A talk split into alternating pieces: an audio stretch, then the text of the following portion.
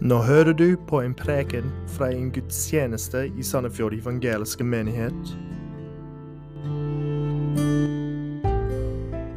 Kan jeg kapittel 4, eh, vers 1 til eh, 12. Jeg leser avsnittet sammen eh, med dere, og så ber vi sammen etter det. Så jeg skal ha et rolig tempo. Det er greit. Ordspråkene 4, 1-12. Mine barn, hør på en fars tilrettevisning, og gi akt, så dere kan lære klokskap. For god lærdom gir jeg dere. Mine bud må dere ikke forlate. For da jeg var sønn hjemme hos min far, da jeg var liten og min mors eneste barn, da underviste han meg og sa til meg, la ditt hjerte holde fast med mine ord. Hold mine bud, så skal du leve. Kjøp visdom, kjøp forstand. Glem ikke min munns ord, og vend deg ikke bort fra dem. Forlat ikke visdommen, så skal den vokte deg. Elsk den, så skal den være ditt vern. Viktigst er visdommen. Kjøp visdom. Ja, kjøp forstand for alt ditt gods. Sett visdommen høyt, så skal den opphøye deg. Den skal bringe deg ære når du favner den. Den setter en fager krans på ditt hode. Den skal rekke deg en herlig krone. Hør, min sønn, og ta imot mine ord, så skal dine leveår bli mange. Jeg lærer deg visdommens vei og fører deg på rettvisets stier. Når du går, skal ikke noe hindre dine skritt, og når du løper, skal du ikke snuble. La oss be sammen. Eh, Kjære gode himmelske Far, vi takker deg for din godhet mot oss, og vi takker deg for at du har gitt oss eh, masse praktisk visdom i ditt ord, men også, også åndelig visdom, åndelig visdom som fører til, til, til åndelig liv. Og Jeg ber om at du nå må hjelpe oss på alle livets områder til å kunne ta til oss ditt ord om verdien av visdom, og hvordan vi kan anvende det på våre liv. Og Jeg ber for barna, kjære far, spesielt at de også må komme inn i mønster allerede fra tidlige år, hvor de kan søke visdom framfor noe annet. Og lytte til de som er mer vise enn seg selv, og først og fremst søke deg og din visdom i ditt ord. Jeg ber om at du må velsigne det praktiske rundt gudstjenesten videre. Og hjelpe meg til å tale klart og tydelig, og for, eh, for alle å forstå i hvert fall noe av det som blir sagt. Og vi ber alt dette i, i Jesu navn. Amen.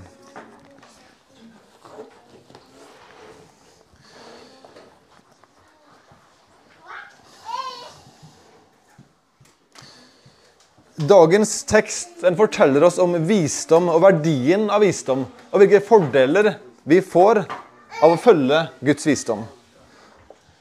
Min påstand i dag er at det finnes to typer mennesker. Eller kanskje ikke to typer mennesker, men to forskjellige tilnærminger til livet, hvordan en lever livet sitt på. Og Jeg valgte å kalle den ene veien å leve livet sitt på for prøv og feil-metoden. Prøv og feil-metoden. Den kan også kalles 'jeg vet best'-metoden. Men prøv og feil-metoden er den ene tilnærmingen til livet. Den andre metoden er 'undersøk først'-metoden. Og den kan også kalles 'jeg trenger hjelp'-metoden. Og jeg tror alle mennesker har prøvd begge deler, selvfølgelig. Og det er ikke sånn at noen kun bruker den ene metoden, og noen kun bruker den andre. Men jeg tror over tid så vil de fleste av oss ha en tilnærming til livet hvor vi enten har en prøv og feil-mentalitet til de aller fleste tingene, i hvert fall til de store spørsmålene, og noen har en 'la oss undersøke først'-mentalitet. Så hva er disse metodene? La oss høre litt om hva som karakteriserer de. La oss høre litt om prøv og feil-metoden først. Dette er en tilnærming til livet som er ca. sånn som der er. Jeg gjør det som jeg tror er best, og hvis det funker, så er det veldig bra. Funker det ikke, så prøver jeg bare igjen. Enten på samme måte eller på en annen måte. Dette er personen som har Pippi Langstrømpe sin filosofi som hovedregel. Det har jeg aldri gjort før, så det klarer jeg helt sikkert. En veldig positiv innstilling til livet. En prøver og ser og håper at det holder. Noen av disse menneskene som kjører denne strategien fullt ut, klarer seg ganske godt i livet. Ofte fordi de kanskje har litt flaks, i kombinasjon med et spesielt talent innenfor et eller annet. Ofte er fallgruven med prøv og feil-metoden at den også leder inn i en 'jeg vet best'-mentalitet. Mange av de, de, som følger denne metoden fullt ut, ser på andres visdom eller praktiske innspill som en hindring for progresjon og hurtig utvikling. Prøv og feil-metoden kan være effektiv, morsom og medføre at en i stor grad slipper å forholde seg til andre mennesker når en lever etter den. En gjør litt det en føler for sjøl. Og så har vi den litt mer kjedelige undersøk først-metoden. Eller kanskje 'jeg trenger hjelp'-metoden. Den er litt treigere. Tilnærmingen til livet er sånn ah, 'Jeg veit ikke best sjøl, jeg trenger hjelp'. Og før jeg gjør noe som helst, vil jeg rådføre meg. Jeg vil google, lese bruksanvisninger, spørre om hjelp, spørre om lov, og så gjør jeg det som jeg blir rådgitt til. Denne personen kan fremstå litt mer som Tussi enn tigergutt, for den er sjelden spontan i avgjørelser og valg. Og Mange av dere føler dere kanskje litt mer hjemme i den ene kategorien enn den andre. Der er selvfølgelig relatert litt til eh, personlighet og preferanser også. Men i dagens tale og i dagens avsnitt, det dette avsnittet skal innstendig oppfordre oss til å gjøre, er å være slike som i litt større grad enn før inntar en 'jeg trenger hjelp'-mentalitet for de store livsvalgene. Kanskje ikke på alle områder i livet, men på de store valgene. At den har en litt mer 'jeg trenger hjelp'-mentalitet. Jeg vet ikke best. Jeg trenger hjelp. Og her er grunnen til at ordspråkene ber oss om å ha den innstillingen. Det står i ordspråkene kapittel 21, vers 2. Alle en manns veier er rette i hans egne øyne, men Herren veier hjertene. Problemet er at vi tror alle av naturen at vi vet best selv. Det er kanskje en eh, kjent statistikk for dere, men tre av fire menn tror de er bedre sjåfører enn gjennomsnittet. Og det er en statistisk umulighet. Bare 2% av alle sjåfører anser seg som dårligere enn gjennomsnittssjåføren. Mens realiteten er at det er 49,99% av alle sjåfører som er dårligere enn gjennomsnittssjåføren. Og sannsynligvis er halvparten av de menn. Det her er sånn helt naturlig logikk. Vi tror alle at vi er litt bedre enn det vi egentlig er. Og akkurat når det kommer til kjøring av bil, så er kanskje vi menn i en særklasse i å overvurdere våre egne egenskaper. Dårskapen, som ordspråkene advarer oss imot, rammer oss alle på forskjellige plan. Og vi har sikkert tilsvarende lite selvinnsikt på veldig mange områder i livet. Og det gjelder nok alle av oss på forskjellige områder. Og pga. en såkalt ødelagt logikk som da er prega av syndefallet, så klarer vi ikke alltid å skjønne våre begrensninger. Vi har litt for lite selvinnsikt på veldig mange områder, og vi trenger derfor hjelp. Og Det er derfor Salomo nå innstendig ber sin sønn, eller de han adresserer, om å søke visdommen.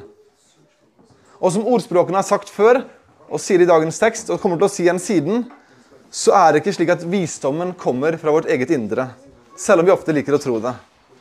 Den kommer fra andre personer enn oss selv, og den kommer fra Gud. Så igjen, bare for å understreke, hvis du er en litt mer sånn prøve og feil-person, så er det greit å ha det som personlighet og på forskjellige områder i livet. Men i de store spørsmålene og overordna så er dagens tekst La oss ha en mer 'jeg trenger hjelp'-mentalitet til livet generelt, uavhengig av hvilken kategori du naturlig faller inn under, så må vi bli minnet på at vår naturlige, og la meg tilføye syndige, innstilling til livet er å ofte tro at våre egne veier er rette, også når de ikke er det. Vi tror vi vet og kan bedre enn det som veldig ofte er tilfellet. Så vi er nødt til å søke visdom utenfra, ovenfra og fra hverandre. Så hvordan spiller det seg ut i avsnittet? Vi får fem egenskaper om visdommen i dette avsnittet som viser hvorfor visdommen er til velsignelse for oss. Fem forskjellige egenskaper. Og Den første egenskapen om visdommen vi ser i dagens avsnitt, er dette. At visdommen varer. Visdommen varer. Hva mener jeg med det? La oss lese versene først på nytt, de første fire. Mine barn, hør på en fars tilrettevisning, og gi akt, så dere kan lære klokskap. For god lærdom gir jeg dere mine bud må dere ikke forlate. For da jeg var sønn hjemme hos min far, da jeg var liten og min mors eneste barn, da underviste han meg og sa til meg, la ditt hjerte holde fast ved mine ord. Hold mine bud, så skal du leve. Det er et ekko vi hører om og om igjen fra første tredjedel av ordspråkene. Mine barn, hør på en fars tilrettevisning. Gi akt. Og her gir Salomo en god grunn til at vi skal høre på visdommen fra han. Han setter visdommen i et større historisk perspektiv. Visdommen som Salomo skal lære sin sønn, er ikke visdommen som han sjøl har funnet opp. Det er ofte det vi kanskje tenker om Salomo, at han var veldig smart. Han satt og, og dikta opp visdomsord på kammerset. Men det er ikke det Salomo gjør. Dette er visdom som han selv har hørt fra sine foreldre. Da jeg var sønn, sier Salomo, hjemme hos min far, da jeg var liten og min mors eneste barn, da underviste han meg og sa til meg La ditt hjerte holde fast ved mine ord. Hold mine bud, så skal du leve. Den visdommen som vi har i ordspråkene, er ikke bare Salomos visdom, tanker og ideer som han satt og fant på. Det er en samling av visdom som han selv hadde hørt, erfart, fra sine foreldre og generasjoner før. Han hadde blitt påminnet om det av Den hellige ånd, sånn at det er inspirert av Gud, og så skrev han det ned. Mye av det er det han selv hadde lært og hørt fra sin far og sin mor. Og Det minner oss om en spesiell egenskap med visdommen. Visdommen varer. Vi slipper å finne ut av alt på egen hånd. Vi slipper å ha en prøv og feil-tilnærming til alt i livet. Det er ikke noe poeng for meg å prøve å ta på et strømgjerde for å finne ut om det gjør vondt. For jeg kan høre fra andre som har gjort det samme, og erfart at det gjør vondt. Og så kan jeg stole på de. Akkurat det har jeg prøvd sjøl, og det gjorde vondt. Det kan være fristende selvfølgelig å utforske sjøl og si er det virkelig sant, det de sier. Men på så mange områder i livet så er det lurt faktisk å høre hva andre sier. En slipper å gå på samme feilene som andre før oss har gått på. Vi kan lære av den visdommen som andre opparbeida seg i generasjoner før. Våre foreldre, besteforeldre, venner og kjente. Tenk hvor slitsomt livet hadde vært om en ikke kunne bruke andres visdom og erfaring. Jeg satt og tenkte på Eh, det er ikke alle barna våre som kan knytte skoene sine. Og så kom jeg på, Hvorfor kan du ikke knytte skoene dine? Og så er Det jo, det er jo fordi vi ikke har lært de det ennå. Fordi sånne sko du kan stramme med strikken det er sånn, dra sånn, og så dra ned en sånn hendel. Hvor lang tid hadde det gått eh, tror dere, å lære å knytte skoene sine sjøl hvis ingen hadde lært det til oss, og vi ikke hadde sett det fra andre? Kanskje vi aldri hadde lært sant? Vi hadde gått med uknytta sko resten av livet. Jeg har ikke peiling. Kanskje noen hadde skjønt det. Kanskje det er en god idé å knytte de. Men på en måte, alt hadde vært så komplisert hadde ikke vi fått erfaring fra andre. Da jeg var liten, så tvang foreldrene mine meg til å dusje eller bade minst én gang i uka. Eh, nå tenker dere at det kanskje ikke var så veldig ofte. Jeg syns det var veldig ofte. Men det var veldig greit at de gjorde det og lærte meg det før noen på skolen i sjette klasse sa til meg Ellen, nå stinker du. Og det er kanskje erfaringen noen av dere har gjort. At ingen hadde sagt at dere skal dusje, eller tungere dere i dusjen eller badekaret. Da hadde ikke tid til å dusje, og ukene gikk, og så plutselig var det kanskje en av det motsatte kjønn som, eh, som, sa Du, Ellen, nå stinker du. Nå lukter du fælt. Det er bedre å høre på visdommen for andre istedenfor å lære på den harde måten. Og Pga. den akkumulerte visdommen da, som finnes hos våre foreldre, kanskje storesøsken også, hos oss sjøl, så trenger vi ikke å lære alt ved om prøv og feil-mentalitet. Vi kan høre på foreldrene våre sine råd, om hva som pleier å fungere godt. Vi kan høre på de advarslene som de kommer med. Og jeg tror vi alle kunne sagt at det er veldig mange dumme ting vi har gjort i livet vårt, kanskje spesielt i ungdommen, som jeg ønsker å fortelle mine barn om, så de kan lære av mine feil. Så at pappa gjorde sånn og sånn da jeg var liten, det var ikke særlig lurt. Derfor er det anbefaler deg å ikke gjøre det samme. Så vet vi at de sannsynligvis ikke kommer til å høre på alle disse advarslene, men iallfall hører de på de fleste av de kanskje, og så slipper de å erfare de samme nederlagene som vi sjøl har hatt. Og Det er det som er visdommens magi. En kan lære av andre sine erfaringer, til og med deres feil, og få den samme kunnskapen og visdommen uten å selv erfare de negative konsekvensene av det. Du kan prøve og feile selvfølgelig på alt. Det er den smertefulle måten å lære på. Eller så kan en spørre og lytte til sine foreldre, besteforeldre, til andre en kjenner som har mer erfaring, og høre hva gjorde dere som var bra, hva gjorde dere som var dårlig, hva angrer dere på? Hva angrer dere ikke på? Og på den måten få et mye bedre grunnlag for å kunne ta egne valg. Visdommen varer, og den har vist seg å vare og være verdifull over tid. Og så har vi visdom som ikke bare er fra våre foreldre og besteforeldre, men vi har Guds inspirerte visdom til oss i Bibelen. Dette er en bok som har stått testen over mange tusen år. Den har bestått tidens prøve. Den funker. Det er sant, det som står her. Og det er farlig å gå gjennom livet uten å lytte til visdommen her. Det står i Salme 119, 105.: Ditt ord er en lykt for min fot og et lys på min sti. Du kan gå i blinde gjennom livet og snuble der det er hinder. Eller så kan du ha lommelykta som Bibelen gir, og se hvor det er trygt å gå, og hvor du skal vandre. Og Det er det som Salomo nå i detalj utover avsnittet skal forklare hvorfor visdommen har en verdi. Hvorfor det er verdt å søke den. Og Det som vi ser først i vers 5 og 6, er at visdommen beskytter oss. Visdommen beskytter oss. Vers 5 begynner sånn. Kjøp visdom. Kjøp forstand.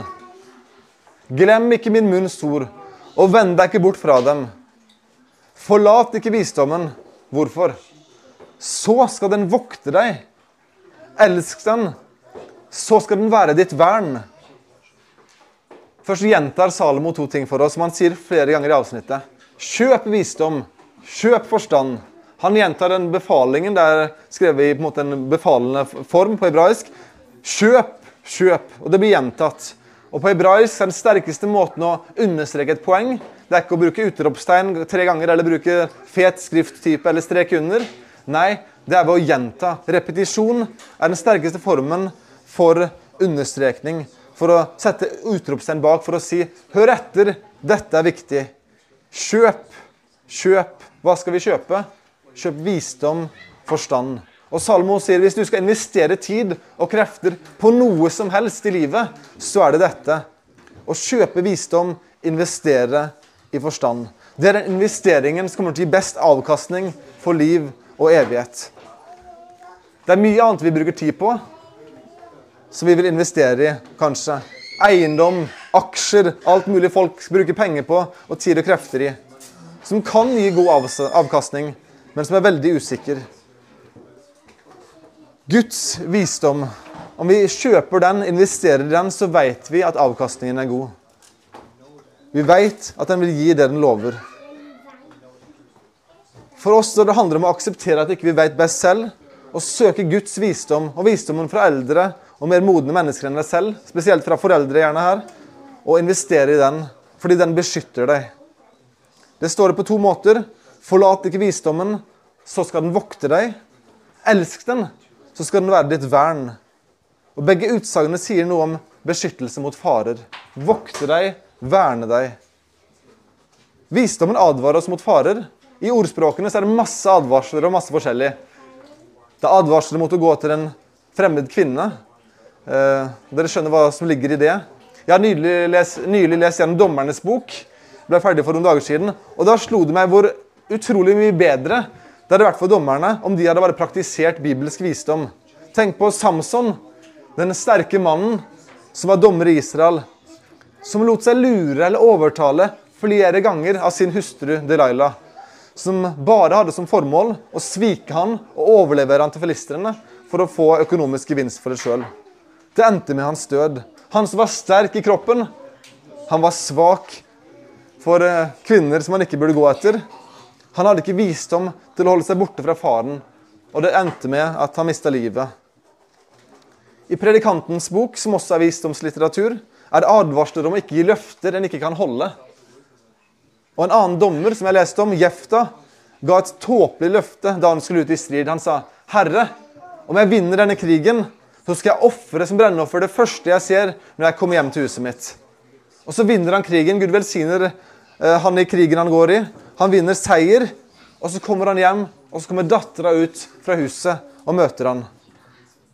Og han har lovt å ofre det første som kommer imot han når han kommer hjem som et brennoffer. Sant? Han har satt seg sjøl i en utrolig idiotisk situasjon. I det tåpelige løftet til Gud. Som han nå enten må han bryte løftet, eller så må han holde løftet, men da går det utover en uskyldig part. I dette tilfellet hans eneste datter. Mange av dere har sikkert gitt dumme løfter også til Gud, som dere ikke kan holde. Kanskje dere har bedt sånn Kjære Gud, om bare sånn og sånn skjer, så lover jeg å aldri gjøre prikk, prikk, prikk igjen. Guds visdom advarer mot å gi slike løfter uten at de er vel gjennomtenkt. Ordspråkene er fulle av advarsler mot latskap, og de elsker søvn. Vi kan snakke om konsekvensen av det. Advarsler mot å ikke frykte Gud.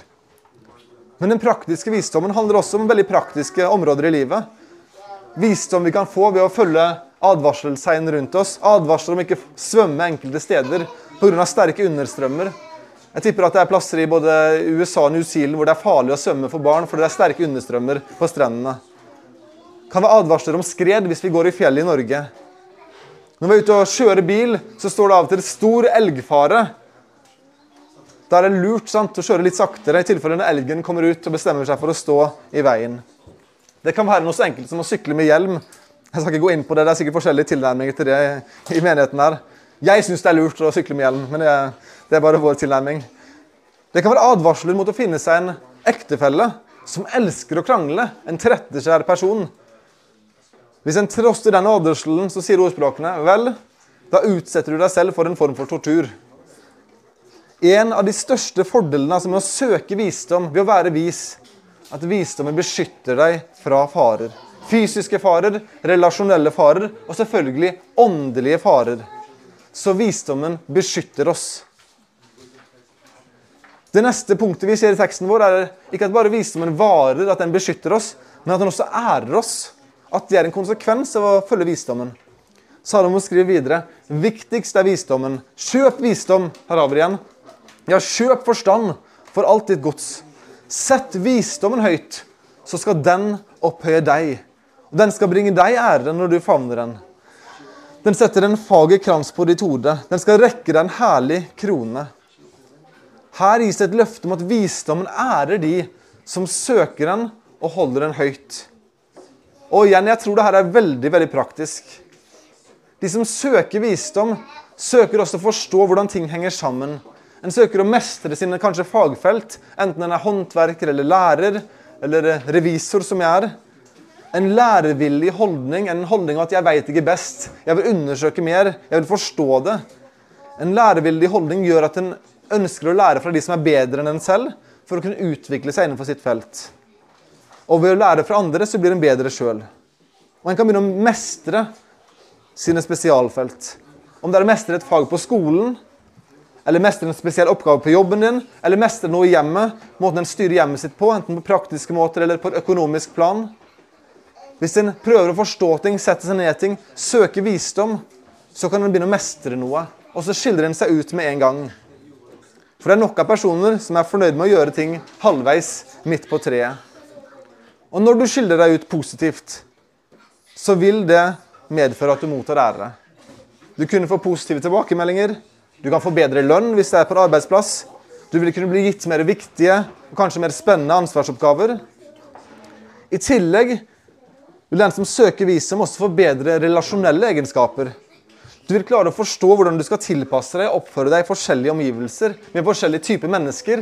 Noen mennesker er mer sensitive for noen ting, andre for andre ting. Noen er konfliktsky, noen elsker å krangle. Og en lærer å tilpasse seg til forskjellige typer, slik at en klarer å fungere i et miljø. Enten det er klassemiljø, eller det er på skolen, på en arbeidsplass. Det kan være hvor som helst. Det kan være en menighet også. Vi er fullt av forskjellige typer mennesker. Det er viktig at vi også opparbeider evnen til å kunne fungere sammen sosialt. At vi ikke flyr i tottene på hverandre når vi skal spise etterpå fordi vi er så forskjellige.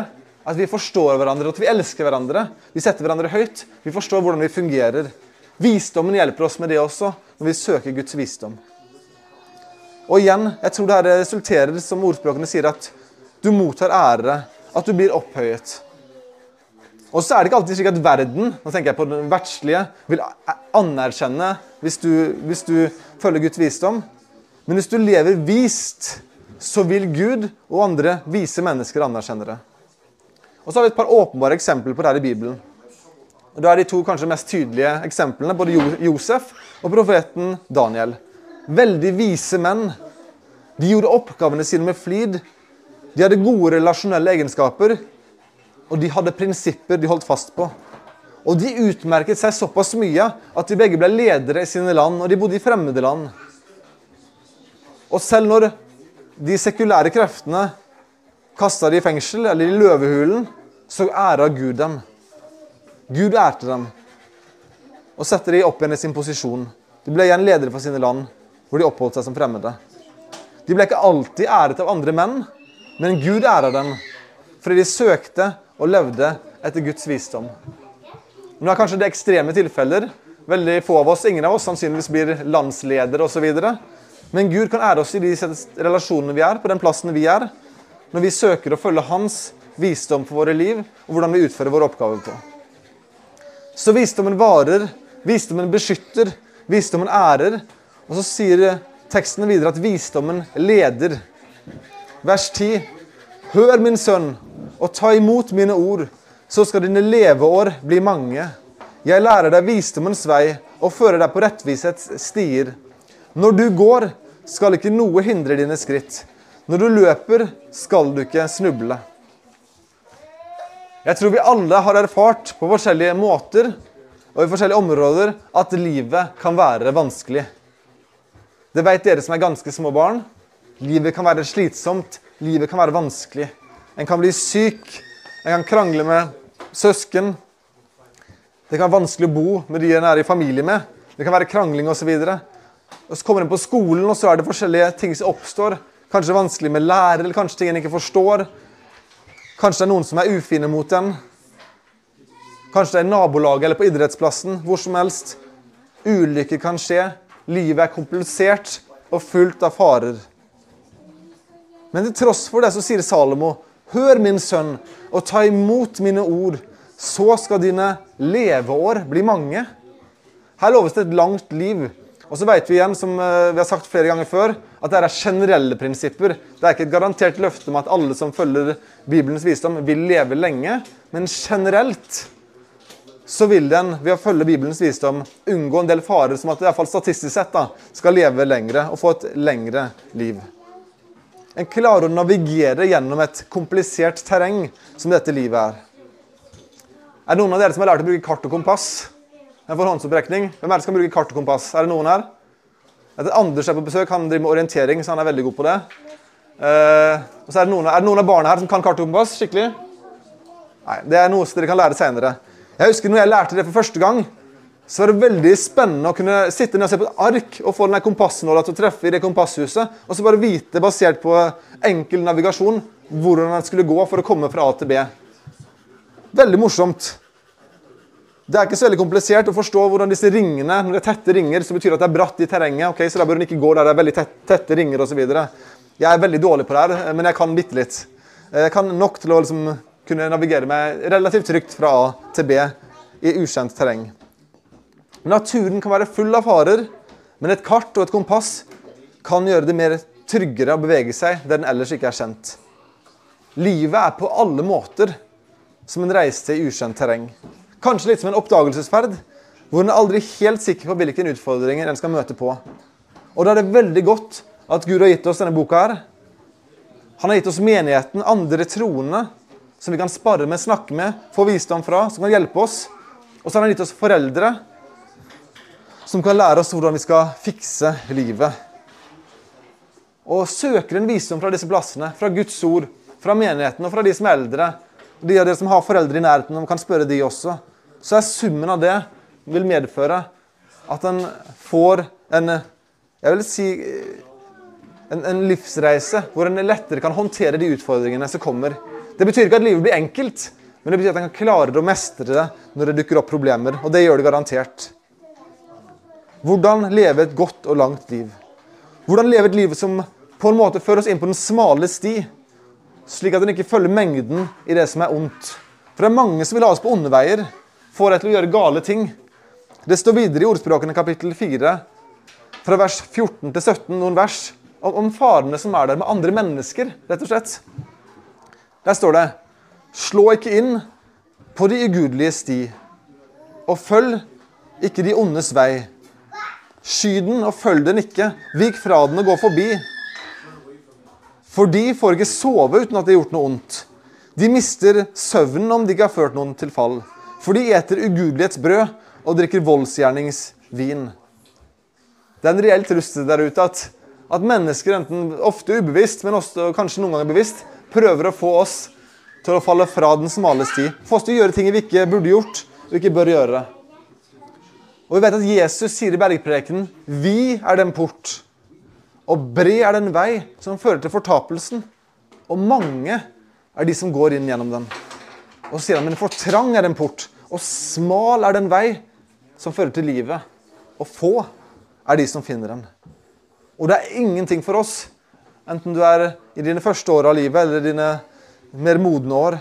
Ingenting som er viktigere for oss å vite hvordan den kommer seg inn gjennom den trange porten, og hvor han kan vandre på den smale sti. Det er selvfølgelig mye lettere i livet å bare kaste kompass og kart og gå der en vil, der en føler for. Mye lettere, men også mye farligere. Og livet er fullt av vanskelige valg, som vi trenger Guds visdom på. Og så er det også en del vanskelige valg i livet som ikke nødvendigvis alltid handler om rett og galt, objektivt sett. Det kan være hvor en skal gå på kanskje videregående skole, hva en skal studere, hvilken idrett en skal drive med.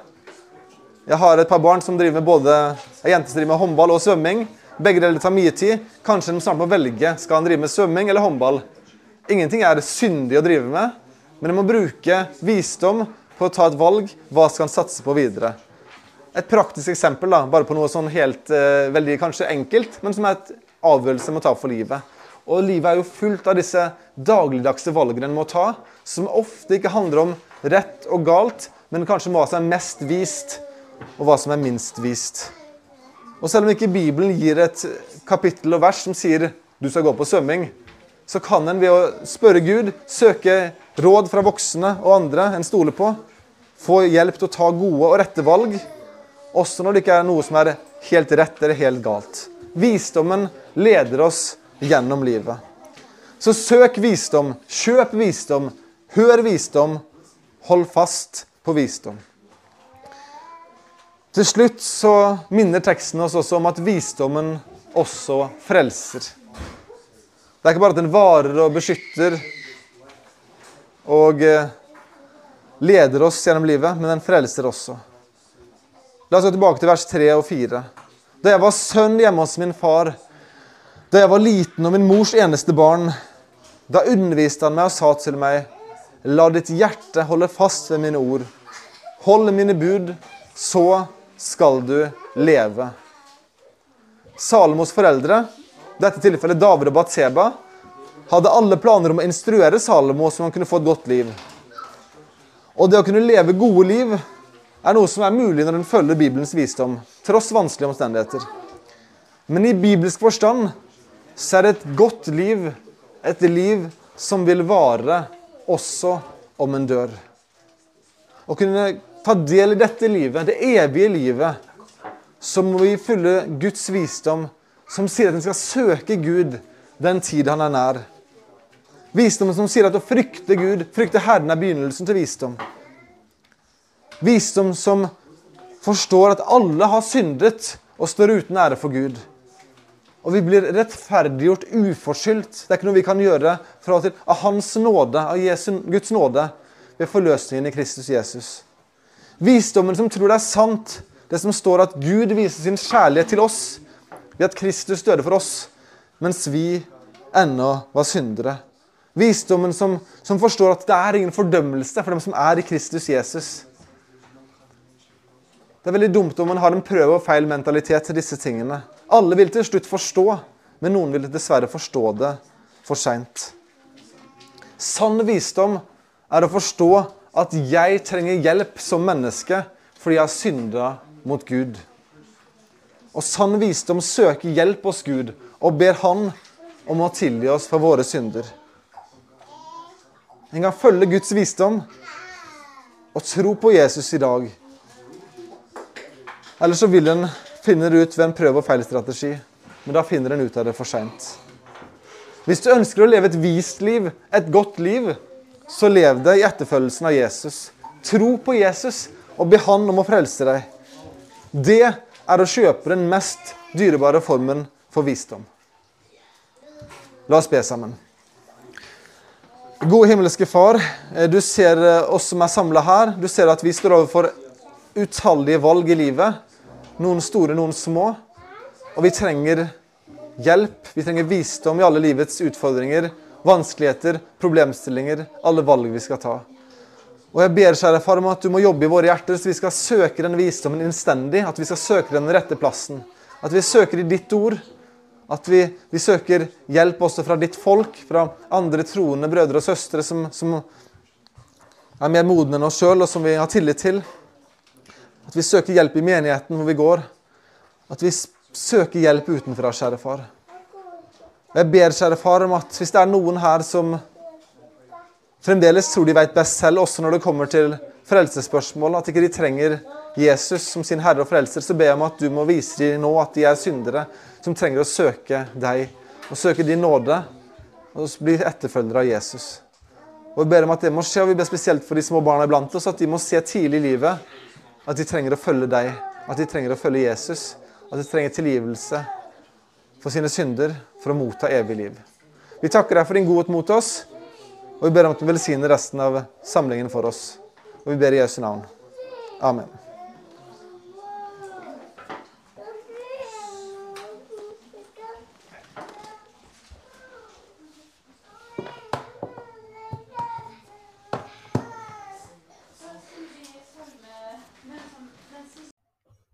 Takk for at du hørte på denne prekenen. Ønsker du mer informasjon, besøk sandefjordevangeliske.no eller vår Facebook-side Sandefjord evangeliske menighet.